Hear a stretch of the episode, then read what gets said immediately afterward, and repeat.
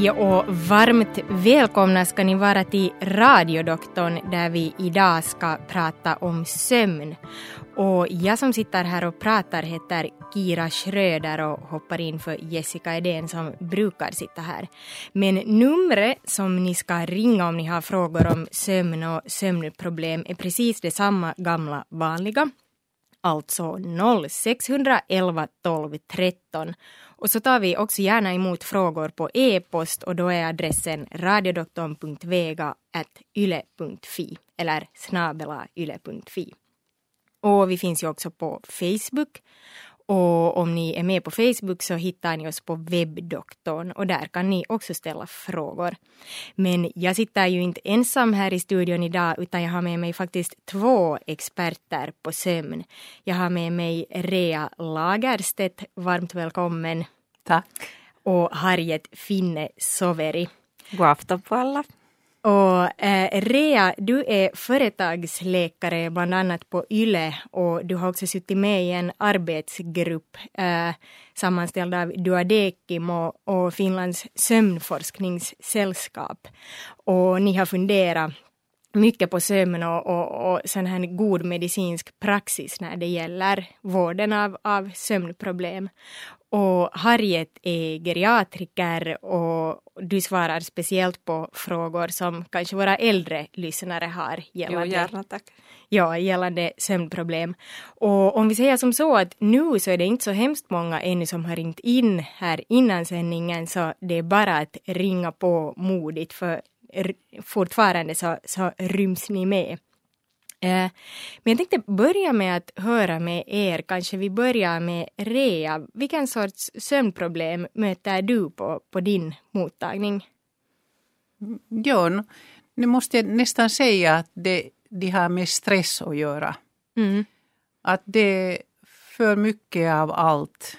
Att det är för mycket på arbetsnivå och det är för mycket på, på den personliga nivån så att människor känner sig lite jäktade, uh, får inte sömn och sen blir oroliga för att de inte får sömn. Och så hamnar de i en ond cirkel. Mm. Och så mm. finns det förstås sådana som lider av svårigheter av att klara sig skiftesjobbet. Ja, ja. Att det är det mest typiska.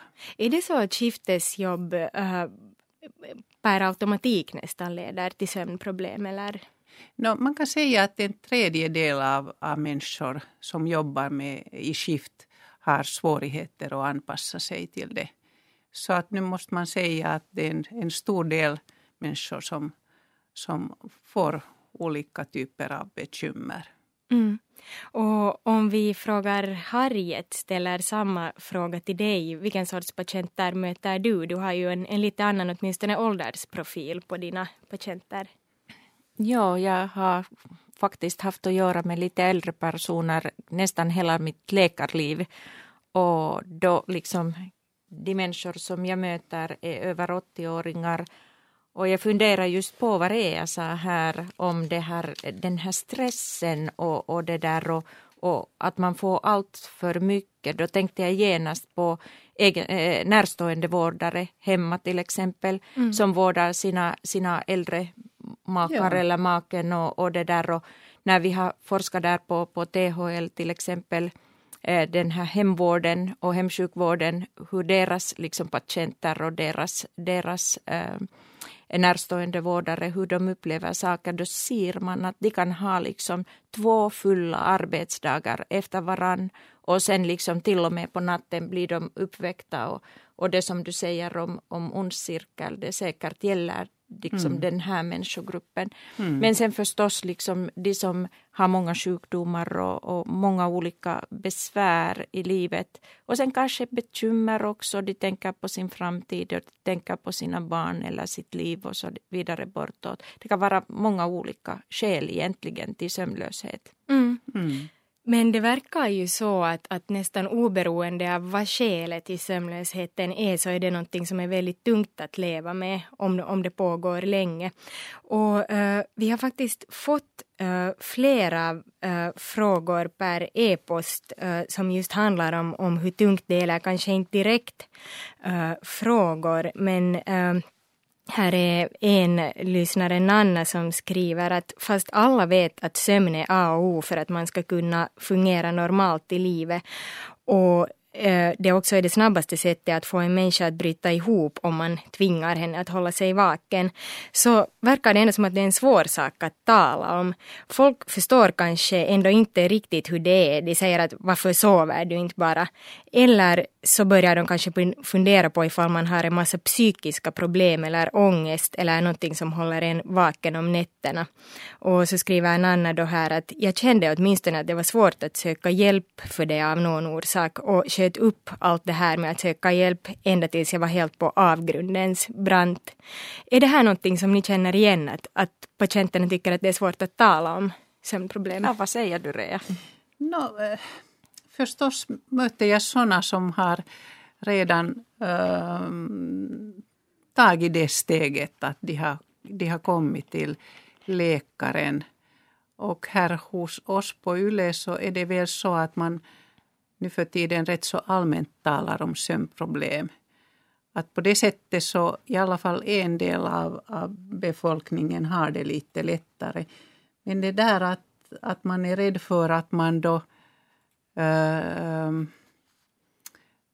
att folk tror att det är då fråga om, om värre problem på, på psykiska planet. Det kan ju vara en orsak till att man man är rädd för att ta kontakt.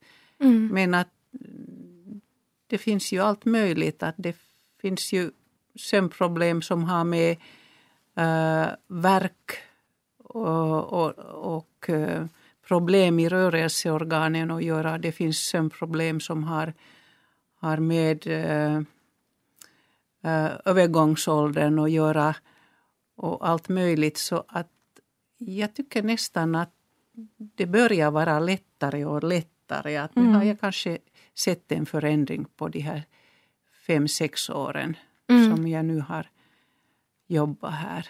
Och ja. det slog mig i, när jag lyssnade på dig, så slog det mig i att är det som så att folk tar skulden på sig på något sätt, att det är liksom mitt fel, att är det det som det gäller just bakom sådana här frågor som du ställde Kira? Mm.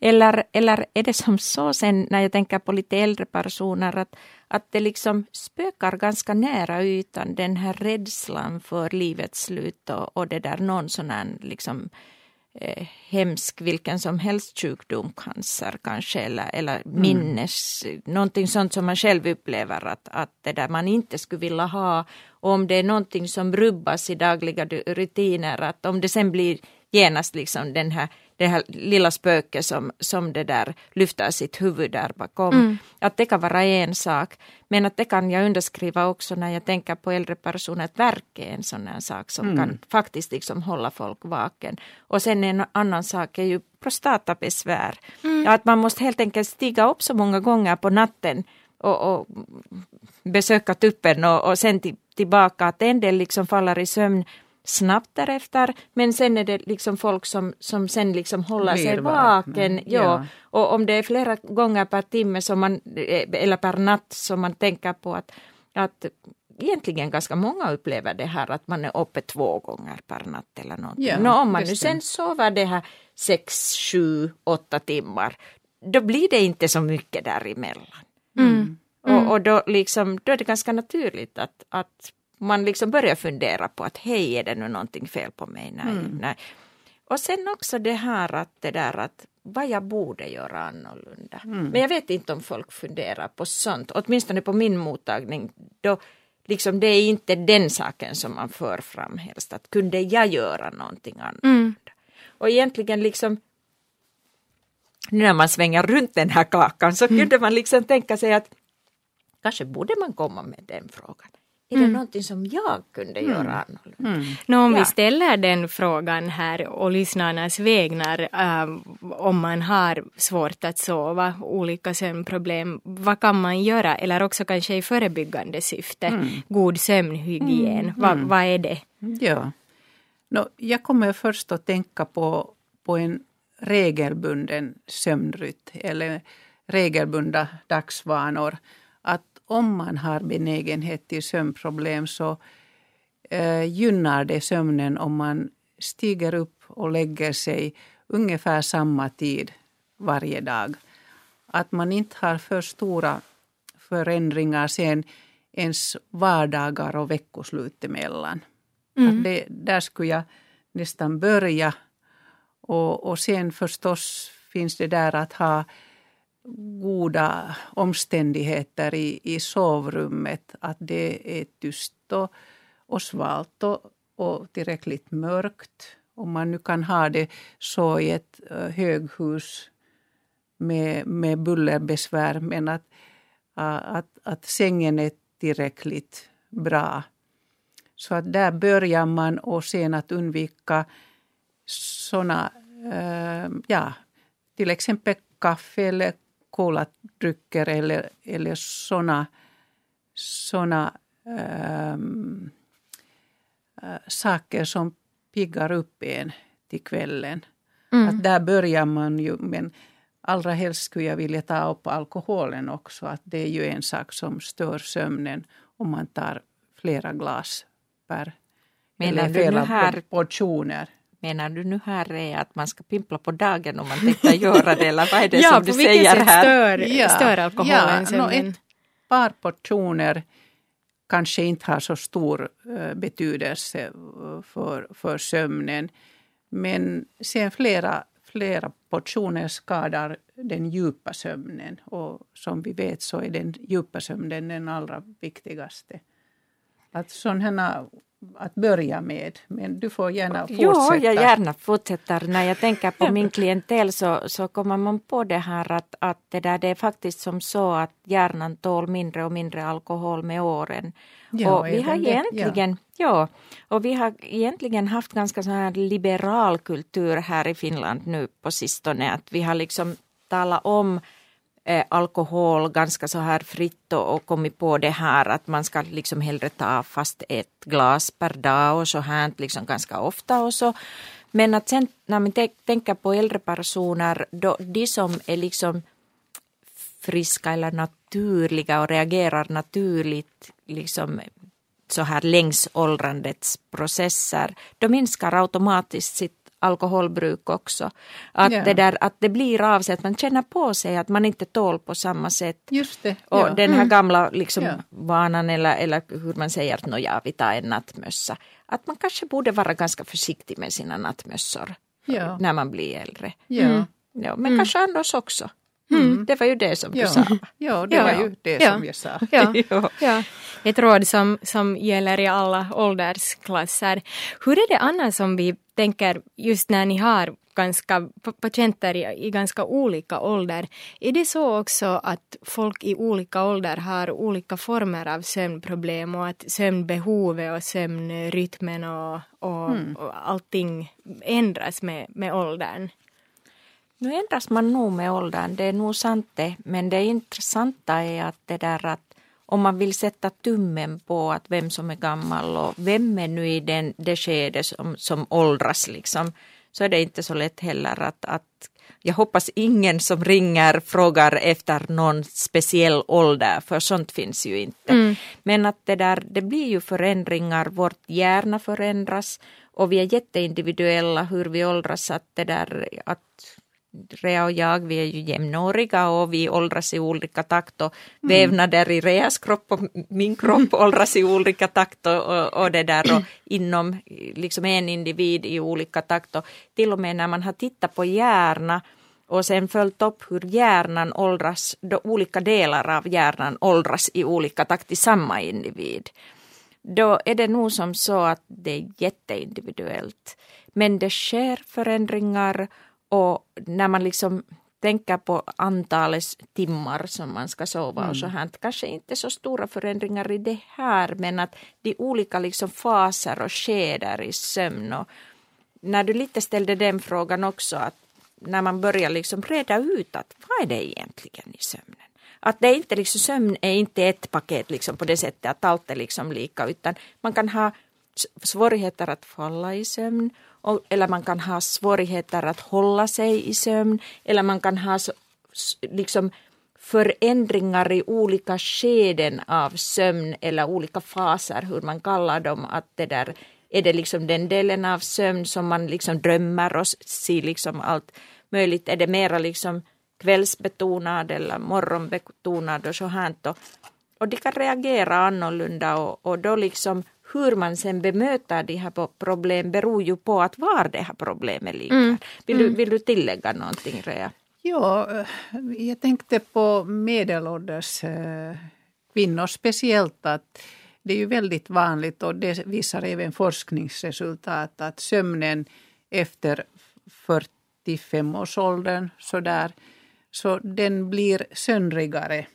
Att den blir ytligare och det är väl den största skillnaden om man tänker på äldre människor och, och yngre människor. Mm. Att, att den andelen djupsömn som man har som yngre, så den blir bara mindre med åren. Mm. Det ser ut som så att det där att med åren sen liksom har man den här trenden, att tendensen att man vaknar upp tidigare. Mm, och, och, det mm. där. Och jag tänkte just på de här störningar som du talade om då, där lite tidigare. att Du sa ju just om det här att, att om det finns buller i huset och, och det där mm. och något sånt där. Att mot morgonnatten då, då liksom blir man lättare förstörd och, ja. och, det där, och det är också samma sak, sen gäller om man måste stiga upp och gå på vässan. Och, mm. och sen, mm. sen, det där, sen kan man, om det är liksom ganska sent på morgonnatten så kan det hända att, att man inte får sömnmedel mm. sen mm. mm. därefter. Ja, Rea talar om att man sover lättare när ja. man blir äldre. Är det också så att man då behöver mindre sömn eller varför är det så att man skulle egentligen må bra av att sova lika tungt som, som när man var ung? Alltså det sägs ju att, att den djupa sömnen är den effektiva delen. Vi behöver ju också den lätta sömnen med, med drömsömn. Men att eh, sömnen består ju av, av så kallade sömncykler som finns eh, ungefär fem av under, under en natt. Och de första ett, två, tre uh, sömncyklerna innehåller mest djupsömn.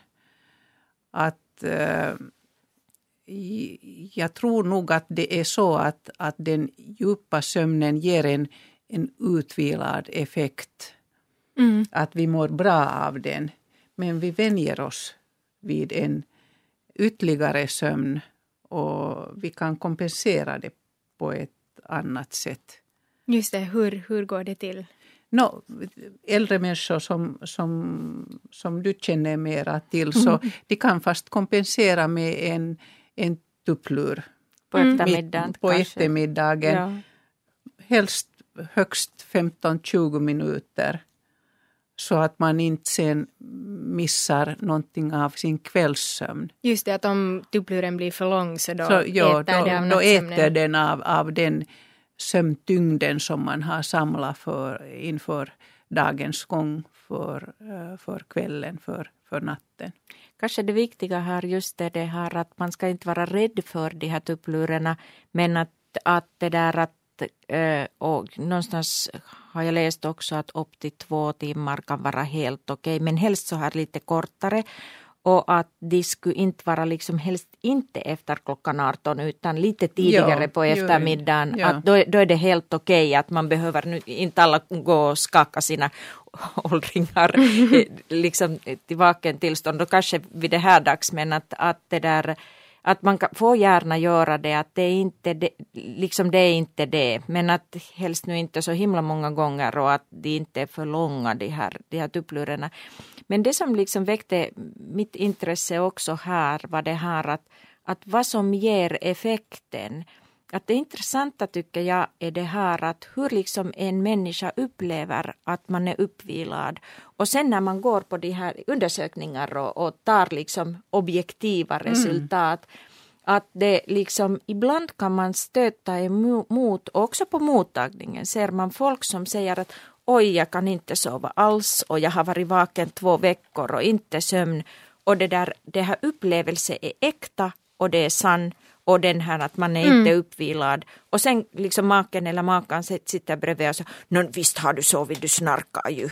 Mm. Och det här, vill du säga någonting om det här Rea, för att inom den här gruppen som du liksom ja. suttit och så här, att har ni diskuterat den här diskrepansen mellan upplevad och, ja. och sen? No, eh, alltså en sömndagbok är ju ett bra redskap för att få någon uppfattning över, över sömnen.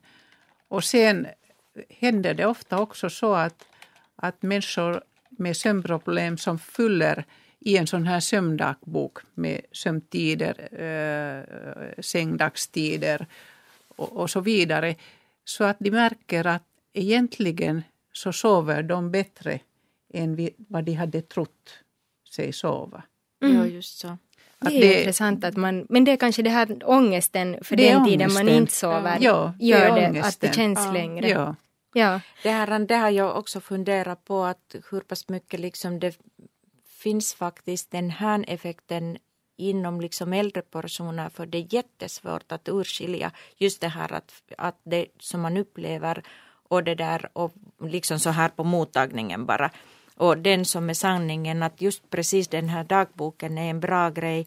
Och sen när man tänker på, på en sån del av befolkningen som har många sjukdomar, där kan finnas depression som är en mm. viktig grej, där kan finnas en massa smärtor, där kan finnas liksom andra sjukdomar, andningssvårigheter och, och sånt som liksom som är ju alarmerande signaler inom människokroppen och mm. jättenaturligt att de håller en, en människa vaken.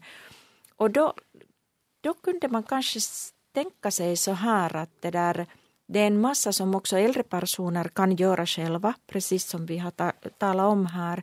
Men sen att liksom, om man börjar välja sen någon sorts liksom, behandlingskonst och så här, det behövs inte alltid vara medicin och det ska inte alltid vara medicin utan att man faktiskt liksom befriar kroppens egna egen läknings Mm. Ja, förmåga, på riktigt. Mm. Ja. ja. Att det, är liksom, det är viktigt men sen förstås är det också som så att i vissa fall och ganska ofta det kan vara också medicin men det är inte alls sagt att det är sömnmedicin mm. utan att om man är noggrann och faktiskt tittar igenom alla de här olika faser av sömn och, och det där och delar av sömn och lyssnar på den här personen i fråga, då kan man komma på att man kan faktiskt eliminera den saken som, som har hållit den här personen vaken. Och då, då behöver man inte, inte liksom ta pillerburken i handen.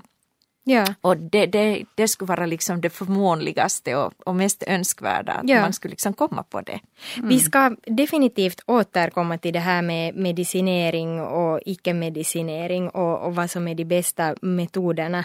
Eh, men nu har vi faktiskt en lyssnare med oss här. Jag ska bara före vi tar in honom så ska jag upprepa telefonnumret här för er som vill uh, som också vill ringa in och ställa era frågor om sömn och sömnproblem till radiodoktorn. Numret är alltså 0611 12 13. Och ni kan också skriva in e-post på radiodoktorn.vega yle.fi. Men nu borde vi alltså ha en manlig lyssnare med oss här. Hej och välkommen till radiodoktorn. Vad är det här? Ja. Det här? Hej, ja nu är du med i sändning.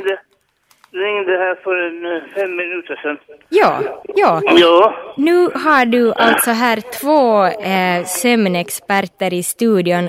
Om vi får fråga så här ofint om din ålder. Eh, ja, jag, så... jag blir 82 i höst. Uh, jo, just det, du är 82 i höst så det är en fråga till Harriet. Men nu har vi lite problem här, de hör inte ja, dig. Men nu hör jag. Men nu hör ja. Harriet, bra. Hör Rea också. Ja, ja jättebra. Okej, no, men nu kan du ställa din, din fråga till Harriet. Ja, jag, jag sover cirka. Jag använder mycket medicin. Det är nog mycket mm. det också jag tar på kvällen tar jag Malevan. Ja. Och sen tar jag den där, vad heter den där? Jag måste ta fram min, min, det här, att jag kan berätta vad jag har. Ja, mm. ni har flera mediciner det, också på kvällen. Ja, jag, jag har sömntabletter på kvällen. Mhm, sömntabletter, ja. Det, vänta nu. Det, det, jag använder Foresis och det, det borde jag ta på eftermiddagen ännu, men jag har försökt undvika det. Så jag har, för det har jag, har jag två på, på förmiddagen och, och sen på eftermiddagen borde jag ta en till, men, men eh, jag har försökt undvika det och det här kanske, jag, jag borde nog ta det, för jag har själv svullna ben. Mm. Jo, har ni svårt sen, att andas också? Jo, jag har andnöd.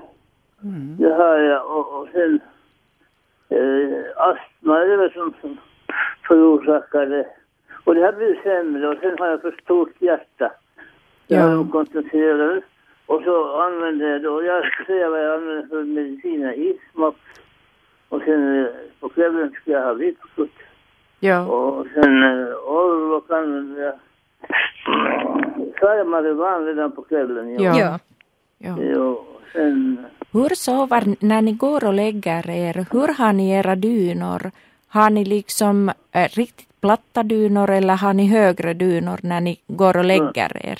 Nej, jag har nog lite högre dynor. Det är den där äh, som en firma så sålde. Det är långa med, med lammskinn på. Ja. Mm. Och det, det, det är ju förstås dynor utanpå det och det där. Ja.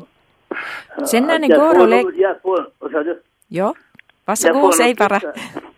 Jag får nog slänga på det dynan när det blir varmt tycker jag så, så tycker jag att man ska eh, det igen när man slänger. Mm. Kan ni ställa er, er fråga liksom på det sättet att vad var det som fick er att ringa? Var det någon speciell sak som bekymrar er? Jo, det, det är inga sover. När ni inte sover? sover. Jag sover inte, nej. Hur lite jag, sover jag, ni? Bara tre, tre timmar per natt.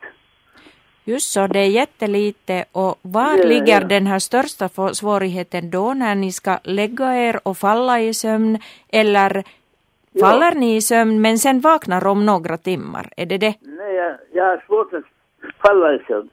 Just. Ja, Hade ni någon sömnmedicin där också? Jo, jag hade då tidigare, det är väl ett par år sedan, en läkare sa att lämna, jag tänkte öka den så att jag skulle sova, sova bättre. Men han sa att du, du, du ska lämna bort den. Ja. och det var ju bra. Ja. Bra nog att, att eh, jag har så mycket mediciner ändå. Jag ja. tar Dikoxin använder jag och, och ja. ja. Måste ni stiga upp? Jag har en, eh, jag använder sju, åtta på morgonen, åtta tabletter och på, på kvällen är det fyra, fem. Ja.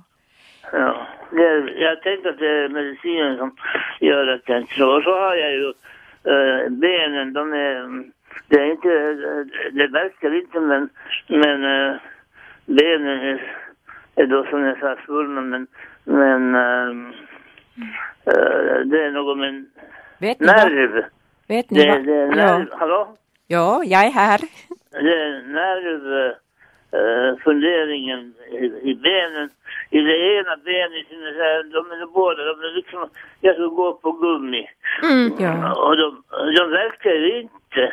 Det var mitt det fråga. Mm. Mm. De verkar Nej. inte, men att när ni går in i sängen så är det svårt att falla i sömn och sen ja. när ni so sover så sover ni en kort tid och när ja. ni vaknar har ni något problem då? Något speciellt ja, det, som väcker er upp? Jag, jag, är, jag är kanske hungrig. Jag går och äter där kylskåpsätare på, på natten. Mm. Vet ni vad? Och då somnar jag, då somnar jag liksom lättare sen igen om ja. jag äter någonting. Ja. Det, det är att jag har socker också, lite socker. Ja. ja. ja. Ni är faktiskt liksom riktigt ett sånt här på ett sätt typfall att ni har många sjukdomar, ni har många mediciner, ni har svårigheter att sova och där ja.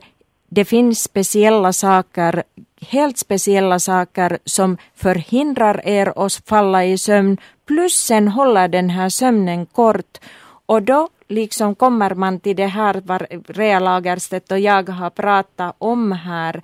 Är för ja. det första, ni enligt all sannolikhet behöver era mediciner men ni har försökt lite bista på den här vattendrivande medicinen. Minska på den. Minska ja. på den, ja. Och, det där, och då kanske det kan hända att det skulle vara bra om ni skulle ta de här medicinerna precis som de har blivit ordinerade. För det kan hända att det är en sak som förhindrar er att sova. Men ja. ni kan diskutera med er läkare att om man skulle kunna lite skifta dem mera i, på förmiddagssida så att de inte kommer så sent. Det är liksom en sak. Och sen när jag tänker, och när jag lyssnar på er och just det där att ni är hungrig på, på kvällen och så här. Brukar ni ta någonting lite och lätt och äta innan ni går och sover? För det kunde också vara en sån här sak lite och lätt som håller den här hungern borta. Har ni tänkt på det? Jo, jag, jag tar en smörgås ungefär. Just. En smörgås med något, något lite saltigt för uh, jag, jag tycker om fisk, uh, gravad fisk och sådant. Så. Ja, det låter bra. Ja.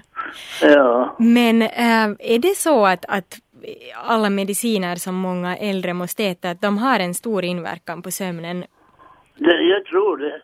Mm. Ni har alldeles rätt i det här att många sådana mediciner som är menade för hjärta eller för värk eller för andra åkommor kan ha inverkan i hjärnan och också i sömn, att det är sant. Och i ert fall är det liksom en sån typisk kinkig fråga att om man liksom tar bort någonting, då får man någonting annat istället. Och därför liksom jag skulle göra mycket fel om jag skulle liksom ordinera någonting här så här, det skulle bli en horoskop.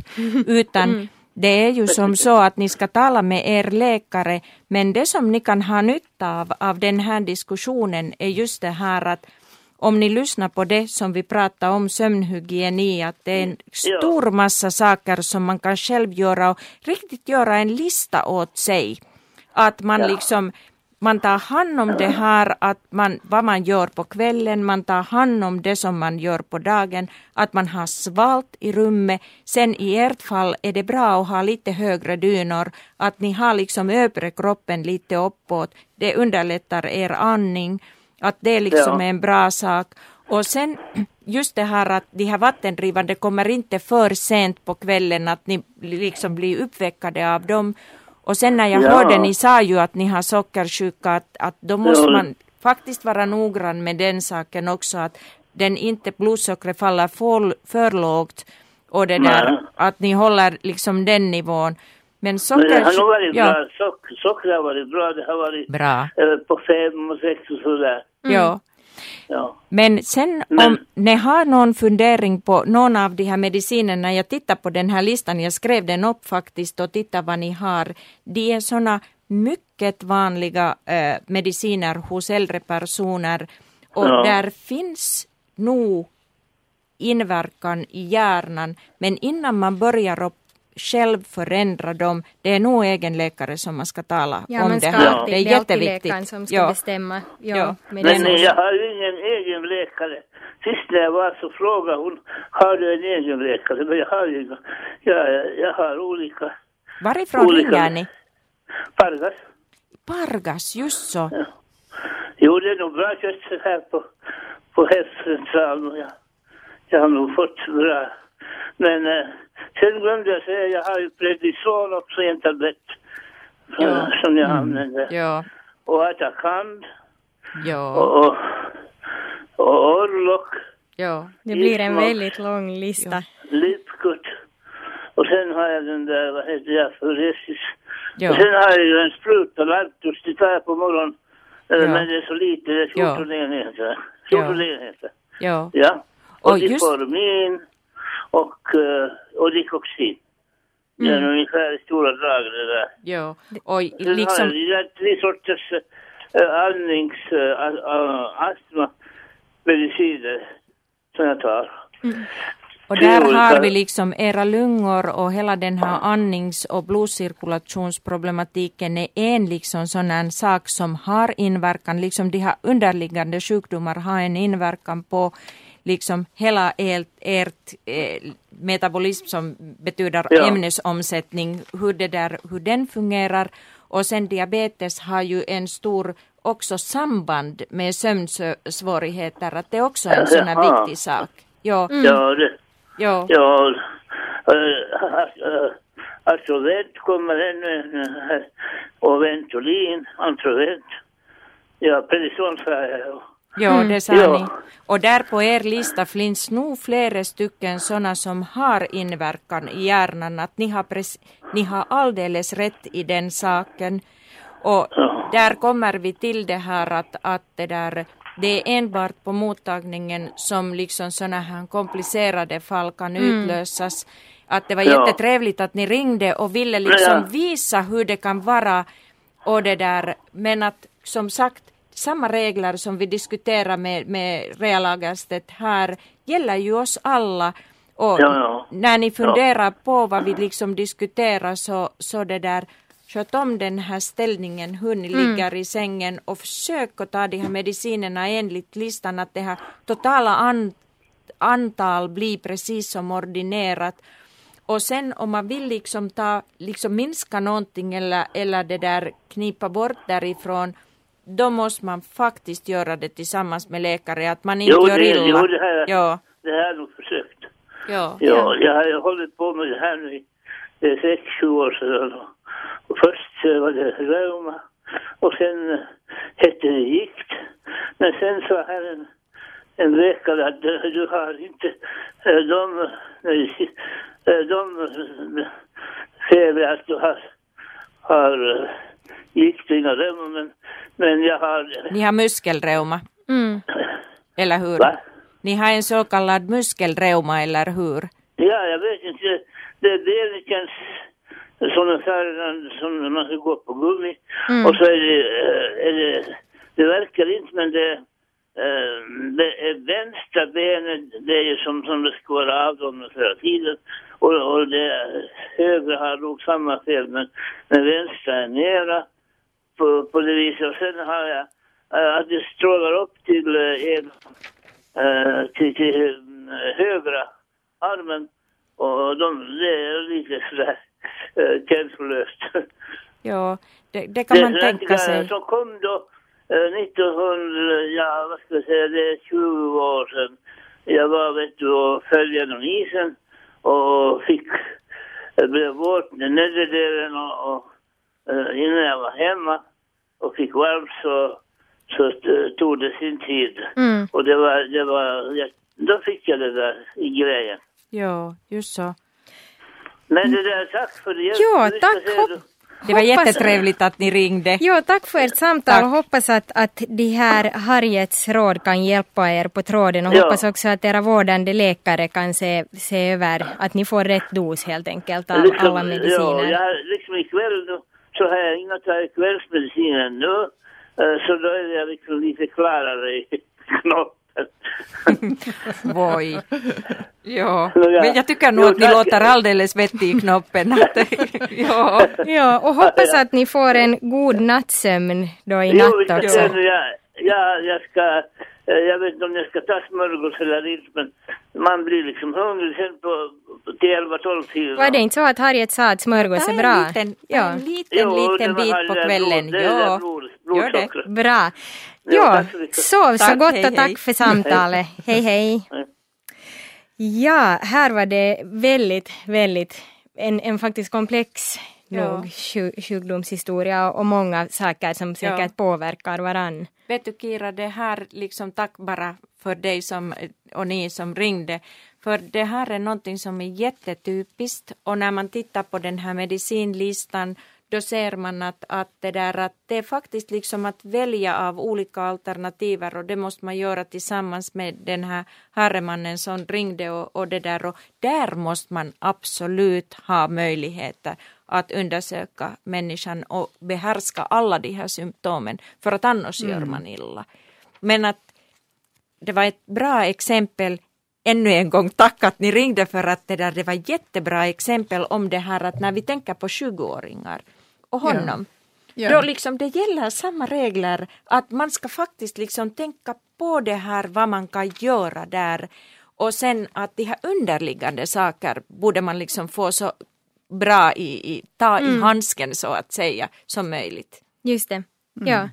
Ja, det här med vad man ska göra när man har sömnproblem. Vi fick in en fråga här tidigare uh, som handlar om läkare som inte riktigt kan bemöta den ångesten och de problem många har när de har sömnproblem.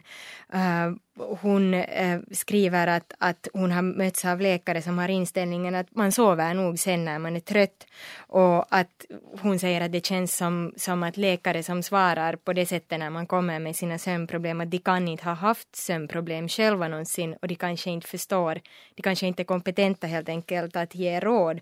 Och hon undrar sen att, att stämmer det faktiskt att man sover när man är trött och att man till sist på något sätt att kroppen kurerar sig själv och att man inte ska oroa sig så mycket. Det, det låter ju nog kanske inte som ett så, så bra svar. Ja, eh, ja, man kan nog säga att det inte alls är så lätt att, att somna om man, har, om man är högt uppe i varven. Att om man inte kan eh, stänga av oron som man har i hjärnan så är det nog väldigt svårt att somna. Och speciellt om man har lidit av flera sömnlösa nätter så uppstår det en ångest inför en kommande natt och inför den kommande dagen. Man ser eh, mardrömmar eh, redan i förväg om att man inte kommer att klara sig av allt det viktiga som man ska göra nästa dag. Så att då är man så på vakt. Eh, ämnesomsättningen i kroppen går på fulla varv att det inte alls är så lätt att, att somna om. Mm, Eller mm. somna överhuvudtaget. Ja. En sak som jag har funderat på att kanske också kan orsaka en, en, ett visst mått av, av ångest inför det här med att sova är om man sover eh, som man själv tror för lite. Väldigt många av oss har ju i ryggraden det här att man ska sova åtta timmar per natt för att vara utvilad. Eh, men är det så, kan det vara så att, att många människor klarar sig med mindre och att man kanske oroar sig i, i onödan, att man tänker att, att nu, nu, är man inte, nu gör man inte rätt om man sover mm. till exempel sex timmar. Så att man äh, helt och helt kan man säga lägger sig för tidigt. Ja, och sen får man inte sömn av den ja, orsaken. så är man inte trött ännu. Kanske för att man inte har stigit upp tillräckligt tidigt. Men att en del människor klarar sig med, med enbart 56 timmar per natt. Men det är nog inte så hemskt många. 5 procent av befolkningen klarar sig med mindre än sex timmar per natt. Men mm. mm de flesta av oss behöver sådär sju till åtta timmar per natt som vuxna. Uh, du vet mer om åldringar, mm, Harriet, men, men som vuxna och man klarar sig rätt så många nätter med lite kortare sömn också. Mm. Och att man, att man tar i sen nästa natt efter en, en lite kortare natt. Så att jag tror nog att, att du har rätt i att man kanske oroar sig för mycket för att man sover för lite. Mm. Man vet ju om, om sömnens eh, eller sömnbehovet och, och sömnkvaliteten någonting sen nästa dag. Att om man vaknar utvilad och känner sig pigg och fokuserad eh, nästa dag så har man sovit tillräckligt. Mm. Så man behöver inte slaviskt följa vissa Nej. sådana allmänna råd utan man ska känna efter? Ja, man ska ja. känna efter, ja. ja.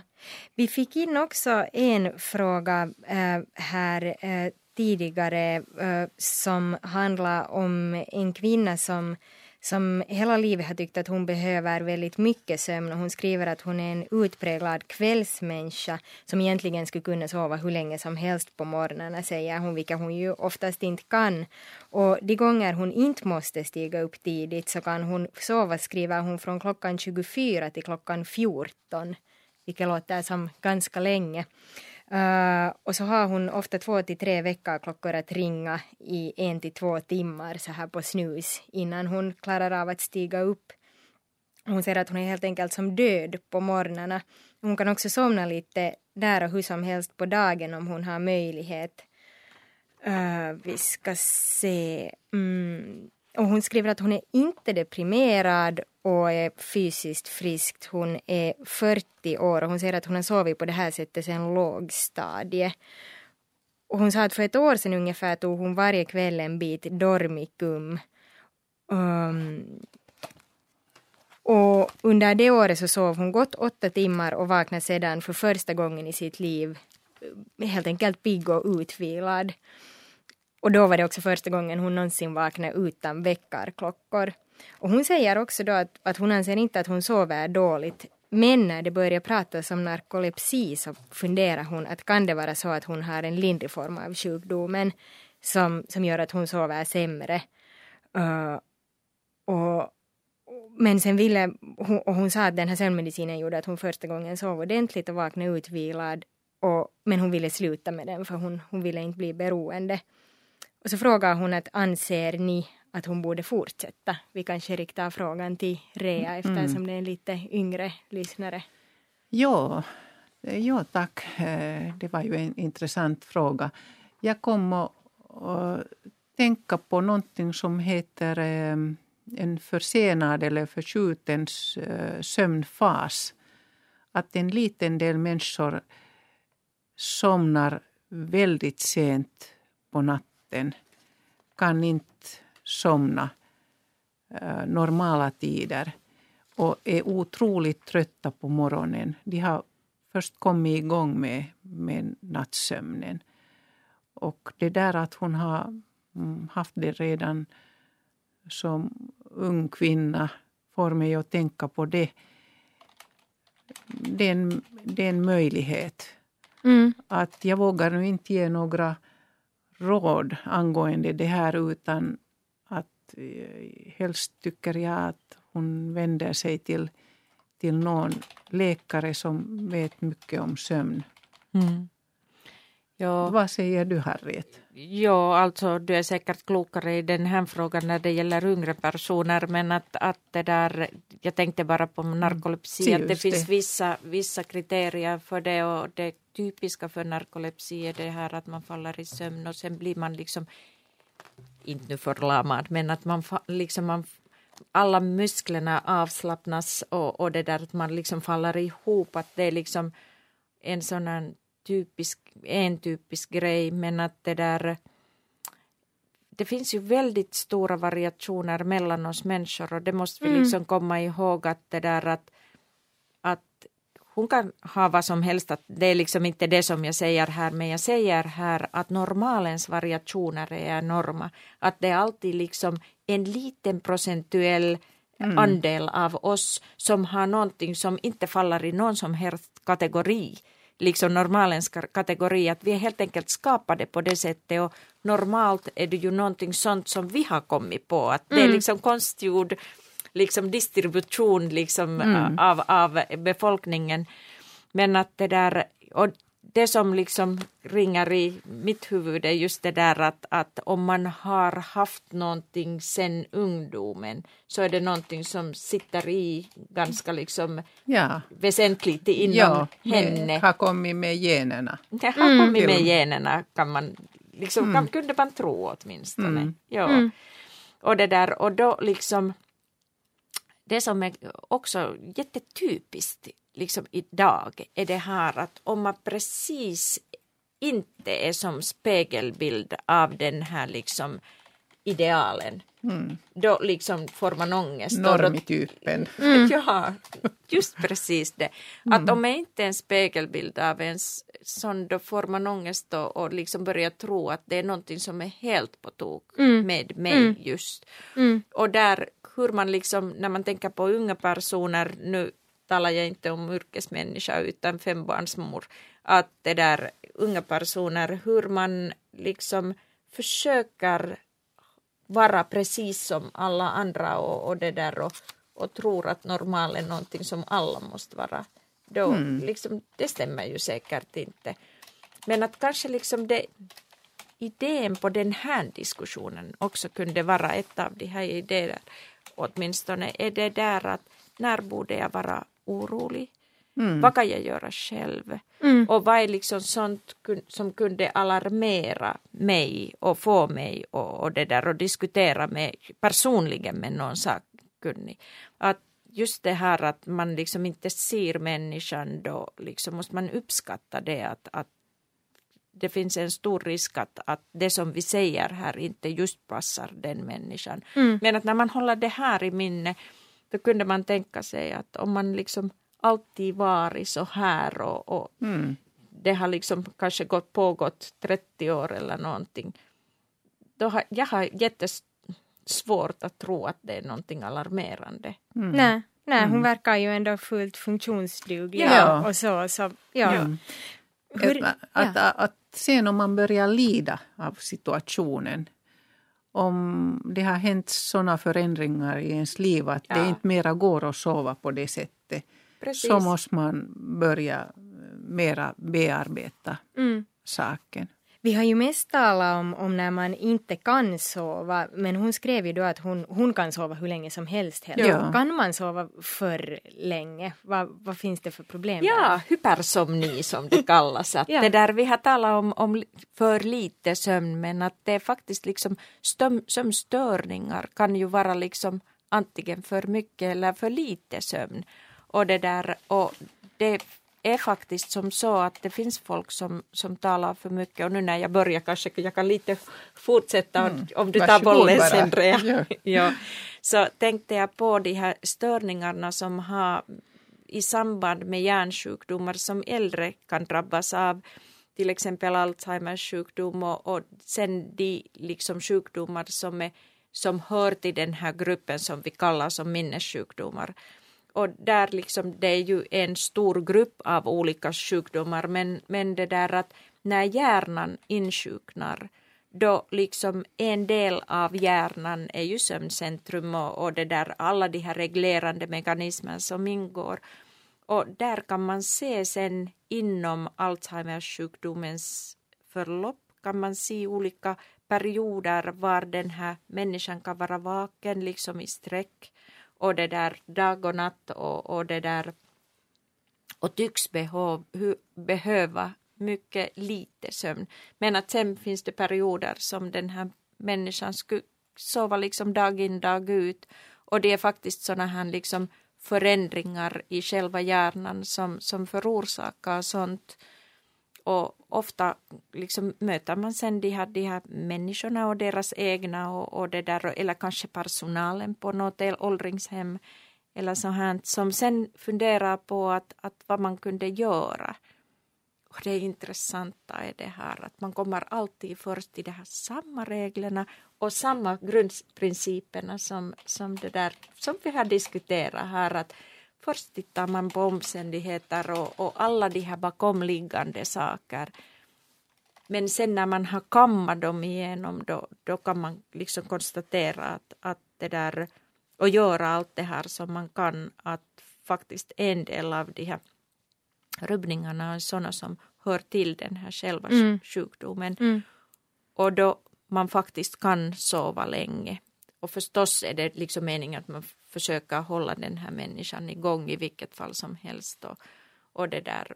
Och alltid börja från den, den sidan att man liksom först gör allt annat och sen till sist kommer medicinerna. Just det. Ja. Mm. Vi kanske ska ta en liten paus här i vår diskussion om ifall man kan sova för länge för nu har vi en lyssnare som har varit med här väldigt länge och okay. hängt på tråden. Mm. Uh, har vi med den här lyssnaren fortfarande? Hoppas att du är med fast du har fått vänta en stund. Hallå, hallå, välkommen till radiodoktorn. Ja, alltså är det, gäller det Hagelberg? Jo, nu, nu är du med i mm. sändning. Ja, jo. ja. God afton. God afton. Vad har du för fråga till no, våra radiodoktorer? Jo, åldern är 84 år. Medicin asasantin för att effektivera blodcirkulationen i ja. hjärnan. Ja. Och eh, det har jag tagit en knappt ett års tid. Och före det så självmant hade jag tagit Disperin 100 milligram kanske i tio års tid. Men det lämnades bort då Asantin ja. kom istället. Ja. Och jag upplever det lite besvärande att jag sovit kanske nu i en treårstid så nio och en halv timme per natt och i medeltal två till fyra gånger per natt så för att urinera stiger jag upp. Men får nog oftast fatt i sömnen på nytt. Och varannan dag dessutom så tar jag en tupplur kanske på en, en timme eller så. Och eh, det här att nu behöva så pass mycket sömn, jag mår nog väl av allt det här men att förstås vill man vara lite trött väl annars också i den här åldern. Det där, eh, kan ni beskriva lite grann eh, hur går ni? Kan ni liksom, behöver ni käpp eller är ni i rullstolen eller går ni på egna ben? På egna ben, jo, jag har inga andra besvär. Nå, ryggen lite äh, där i korsryggen vill vara lite besvärlig. Men ja, det är inga smärtor och ja. jag mår för övrigt väl. Ja, det där i ert fall, mitt första fråga skulle vara det här att är det möjligt för er att promenera alla dagar lite, vara ja. ute på riktigt? Brukar ni göra det? No, jag har gjort det men eh, det var eldsvåra här i hemmet så att i ett halvt års tid så har jag nu inte gjort det men det tycks nog inte ha inverkat på saken så att jag har nog haft det här minst i en tre års tid att jag har tyckt att det är bra om jag sover om natten nio och en halv timme men, men dessutom kommer ju där de här nattliga två till fyra gånger ja. att urinera och sen kanske eh, en timme varannan dag, en tupplur. Detta är allt. Ja, okej. Okay. Och det där, och när jag tittar på era mediciner så liksom förstår jag nog att, att det är cirkulation som ni har liksom haft och har det här asasantin för. Det, det, var, det var för att jag hade lite, lite kanske svajigt eh, med balansen en aning. Ja. ja, ja just det. Och det där, och i ert fall så hör jag, ni är 84 år och ni har liksom när ni inte nämner mera när vi jämför med den här tidigare herremannen som ringde, ni har massor av resurser inom er. Ni liksom sa att ni lider inte så hemskt mycket av det utan ibland kan känna er lite trött. I ert fall skulle jag säga att det som slår mig allra först är det här att jag hoppas att er sköldkörtel har blivit kollad. Det är liksom en riktigt en sån här sak som... Förlåt, vilken har blivit kollad? Sköldkörtel. Sköldkörtel, ja. Sköldkörtel, ja. Att den har blivit kollad, det är liksom det första som slår mig. Och sen just det här att man lite följer upp den här eh, blodtrycksbalansen för asasantin är en sån här som sänker blodtrycket ganska häftigt och det där och det är en sån här sak som, som det där, jag skulle liksom vilja veta om jag skulle vara er doktor på riktigt och inte bara här i radion. Mm. Och det där, och sen liksom den tredje saken som Men jag började... om jag får avsluta där, det blodtrycket håller sig bra. Håller sig bra. Ja. Vad betyder bra? Har ni faktiskt värden där som ni kunde berätta åt oss?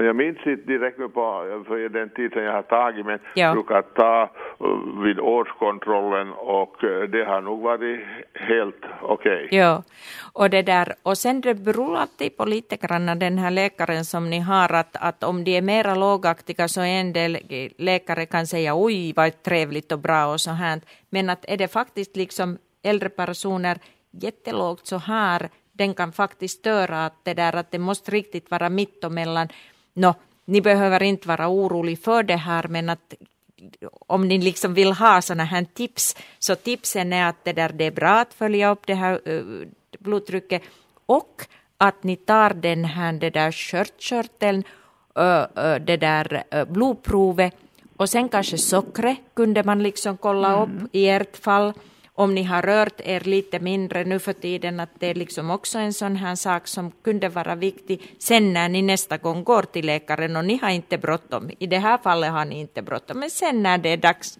att gå, det här skulle man ta, hemoglobin ska man ta.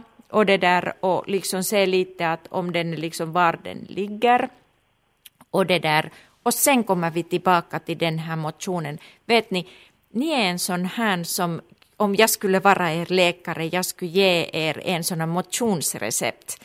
Att det där, det är jättepops nu för tiden, att det där man faktiskt liksom funderar på att hur de här dagsvanor är, kan man liksom ta faktiskt en regelbunden promenad. Och det är någonting som vi har inte hunnit diskutera alls, men det skulle liksom, det skulle gälla i alla åldrar, att man faktiskt tar itu med det här att man motionerar. Vi får höra mm. doktor Lagerstedt lite grann här vad, vad hon säger, Rea. Men att det där, de här är liksom kanske de här första som slår mig när jag lyssnar på er. Mm.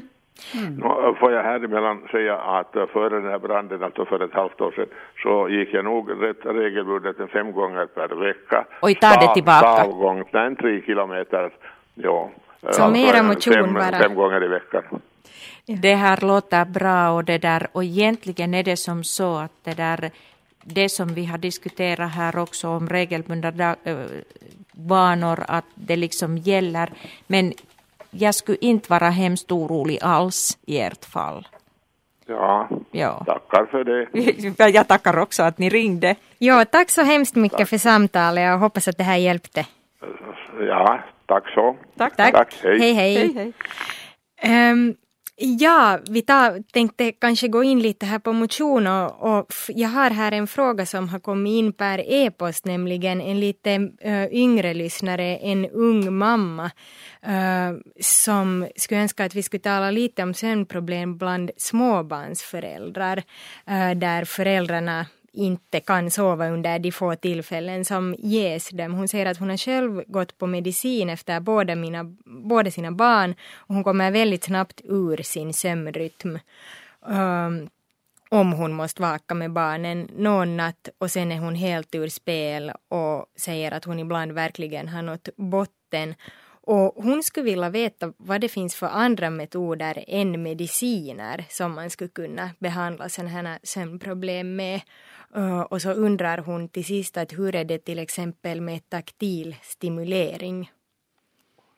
Mm. Jag börjar mm, nog här med motionen som, som du talar om. Att, att man kan ju på ett sätt få sömnen kraftigare med att man är aktiv under dagen.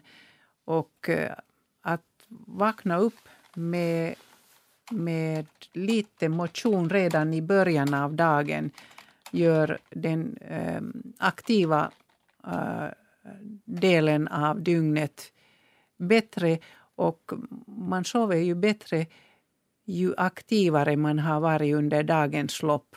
Mm. Och ju närmare man... Du menar fysiskt aktiv? Fysiskt ja. aktiv man har varit under dagens lopp. Det gäller nu också eh, det psyk, det, den psykiska aktiviteten. Ja. Bara man inte gör det för nära sängdagstiden.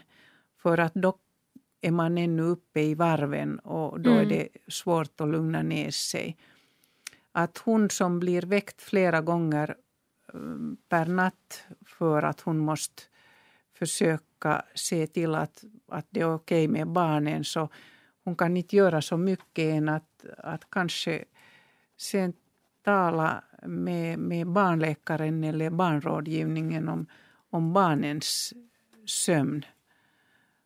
Att eh, där skulle jag nästan börja. Mm. Det är ju en svår, det, det, är en svår fråga. Att, mm. ja.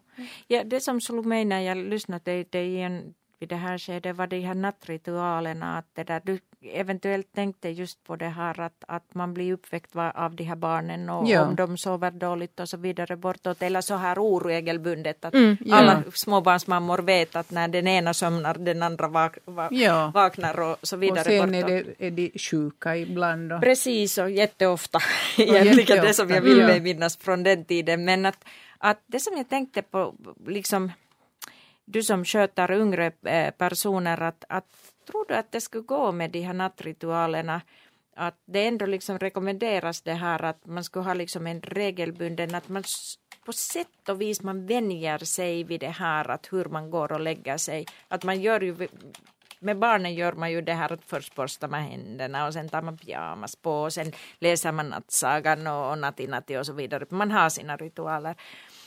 Men samma tycks nog gälla oss liksom vuxna och äldre att, att vi liksom, är det nu man kan kalla det som att vi självsuggestion eller, eller någonting mm. sånt att man suggererar sig till de, de varver som, som mm. du säger att, att nu är det dags att slå ner varven mm. och nu är det att kunde man liksom tänka sig, har du någon erfarenhet om det här att, att om småbarnsmammor ändå kunde liksom dela den här dagen med sina maken till exempel på det sättet att, att den här mamman skulle kunna liksom mm. slå ner på ja. något sätt?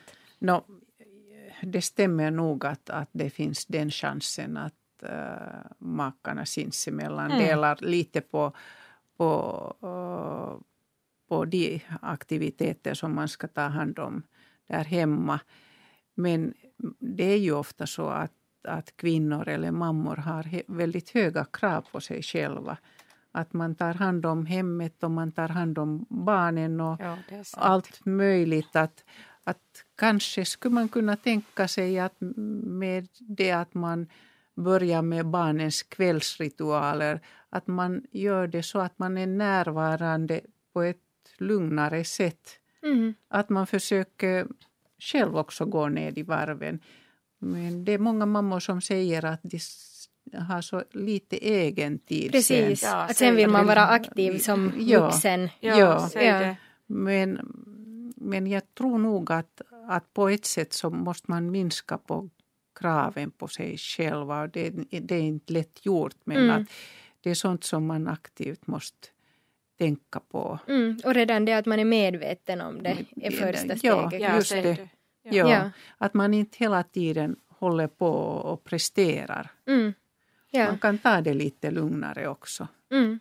Här ser man som, eller hör man egentligen närmare sagt, det som vi börjar ifrån eller, eller med här i programmet var det här att, att du tog upp just det här skiftesarbetet och så här att när vi tänker på småbarnsmammor att det är lite så här skiftesarbete och, och det där och, och då liksom en del av oss är sådana som, som anpassar sig bättre i det mm. och rytmerna liksom kommer snabbare och sen en del av oss är just sådana här som hon beskrev att, att det där om du är där som lyssnar att, att det där att, att vi är lite olika och, och då om man faktiskt kan liksom lära sig de här konsterna, kunde du tänka dig, slår det dig någonting annat som man, man skulle kunna ha för konster för henne? Mm. Som... No, sen kom jag att tänka på äh, många föräldrar som ändå har möjlighet att, att få hjälp av sina äh, föräldrar ja. eller vänner och mm. sova då och då. Och det finns ju föräldrar som sover i, i skilda rum med, med, med sina barn som, som är vakna på natten. Att det behöver ju inte vara i alla äh, evigheter men mm. att ibland så att, att, att man ordnar sig ett lugnt rum. Att, att båda föräldrarna inte behöver ta hand om barnen. Då får åtminstone den ena sova. Ja, ja. och så turvis. Det är Just ett det. sätt. Ja. Bra, jag hoppas att de här råden lite hjälpte vår unga mamma som, som inte får sova tillräckligt. Jag tror att vi nu har en lyssnare med oss på tråden eh, som har en lite annorlunda fråga. Den här som skrev in e-post, hon ville ju ha tips på vad man kan göra som inte mediciner.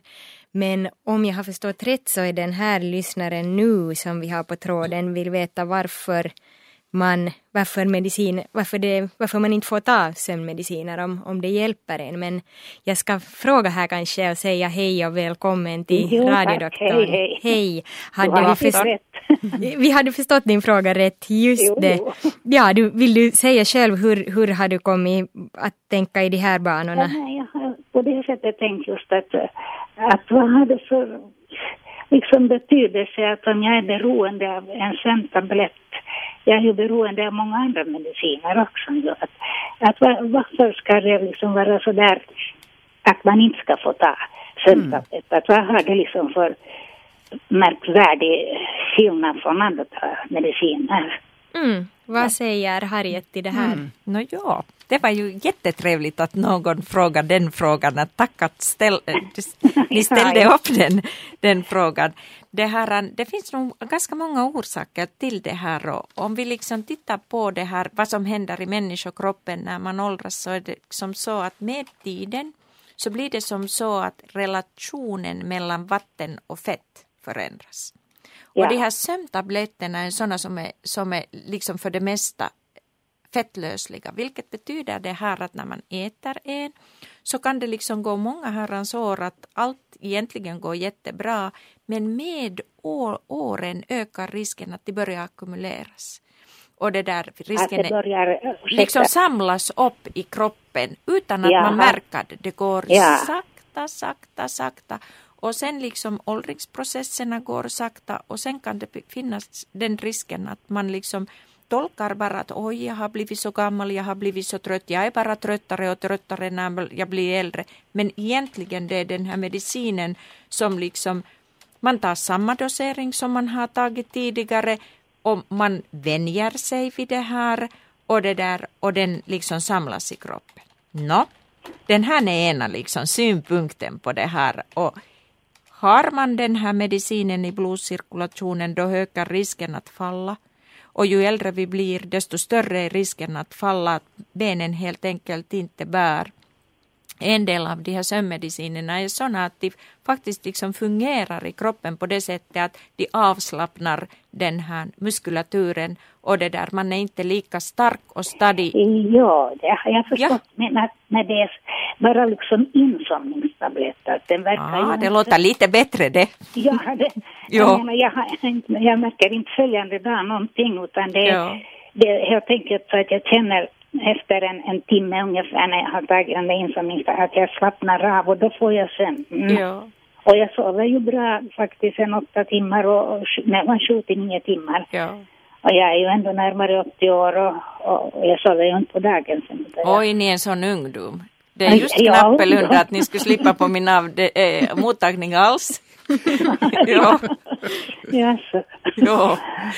Men att det, där, det här var faktiskt en liksom sån här orsak. Men sen är det en annan del av det, det här hela att det där att eh, det liksom jag ser ju ganska ofta folk som har tagit ganska länge de här medicinerna och om man tar mera än två gånger per vecka så blir det nog som så att de börjar tappa sin, sin effekt och egentligen en del av de människor som äter de här tabletter egentligen har ingen nytta av dem alls utan det är tron som gör det. Man, ja, det, ja. Jo, jag har liksom förstått det också, men jag har faktiskt eh, varit, försökt vara utan de tabletterna. Jo, och sen sover ni inte alls eller vad? nej, inte alls. Ja, just precis det. Ja, och, men ja, det, på det sättet att det är inte, eh, eh, det är liksom att jag känner liksom själv att jag liksom faktiskt slappnar av. Jag är så spänd ja. annars. Ja. Mm. Och, och sen såklart är jag liksom rädd att inte somna så då blir det mig. Hur ofta tar ni? Tar ni varje kväll? Alla där, alla kvällar, ja. ja. Alla kvällar, ja. Och jag har tagit 20 år redan. Det var det som jag nästan misstänkte.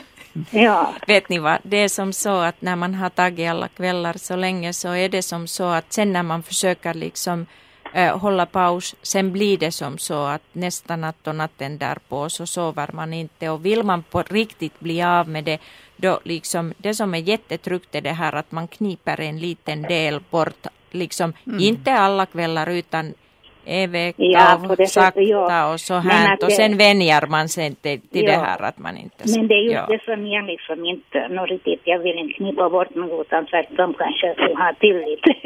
kan ni trösta er lite? Va? Ni är inte knarkare och man är Nej. inte liksom, att det behöver man inte Nej. tänka sig. Men ni ska bygga upp er, er, er ålderdom sen när den kommer. Den är inte inne än. Ah, och det där, ni har tid att bestämma och ni har tid att liksom bygga upp era vanor och då kunde ni göra på det sättet att ni kunde liksom ställa målen till ett halvt år eller, eller någonting sånt och lite granna ta en liten bit bort liksom mm. så småningom och det, det, där och se om ni skulle kunna vara ute. Jag tror nog ja, att ni kan. Jag, jag på riktigt.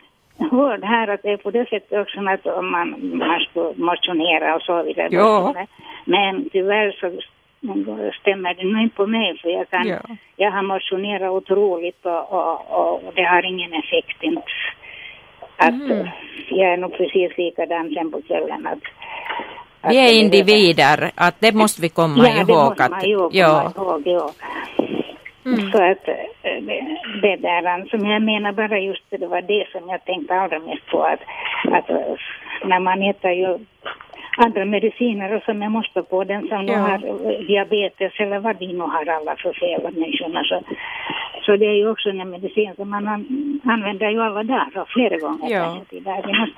Eh, att det där det här tycker jag är en medicin med av andra mediciner ja. skulle jag säga. Tänk att, noggrant på det här vad vi har pratat om här, liksom de största delen saker är hälsosamma också för er och tänk på det sättet att ta inte skuld men det där, försök att bli utan. Mm. Mm. Hoppas att... Men, att... men att det här inte, det gör inte något illa i varje fall inte. Att, att med tiden gör de det. Mm. Fast ni har tagit 20 år, ni blir inte yngre med åren och det är Nej. där den här knipan ligger. Ja, men att ja. säkert börjar inte väl heller tidigare. Nej, inte idag åtminstone inte. Nej, okej. Okay. No, tack. Jo. Tack så hemskt mycket för samtalet och ja, godnatt om en tid. Ja, tack. Men Tack, tack. Vi ska inte sluta riktigt här ännu fast vi snart nog tyvärr måste sluta. Vi har en massa nya frågor både per e-post och telefon. Uh, och vi ska se nu om vi har uh, nästa lyssnare med oss på tråden. Hej och välkommen till radiodoktorn. Ja, hej. Hej. God afton. Hur kan vi hjälpa dig?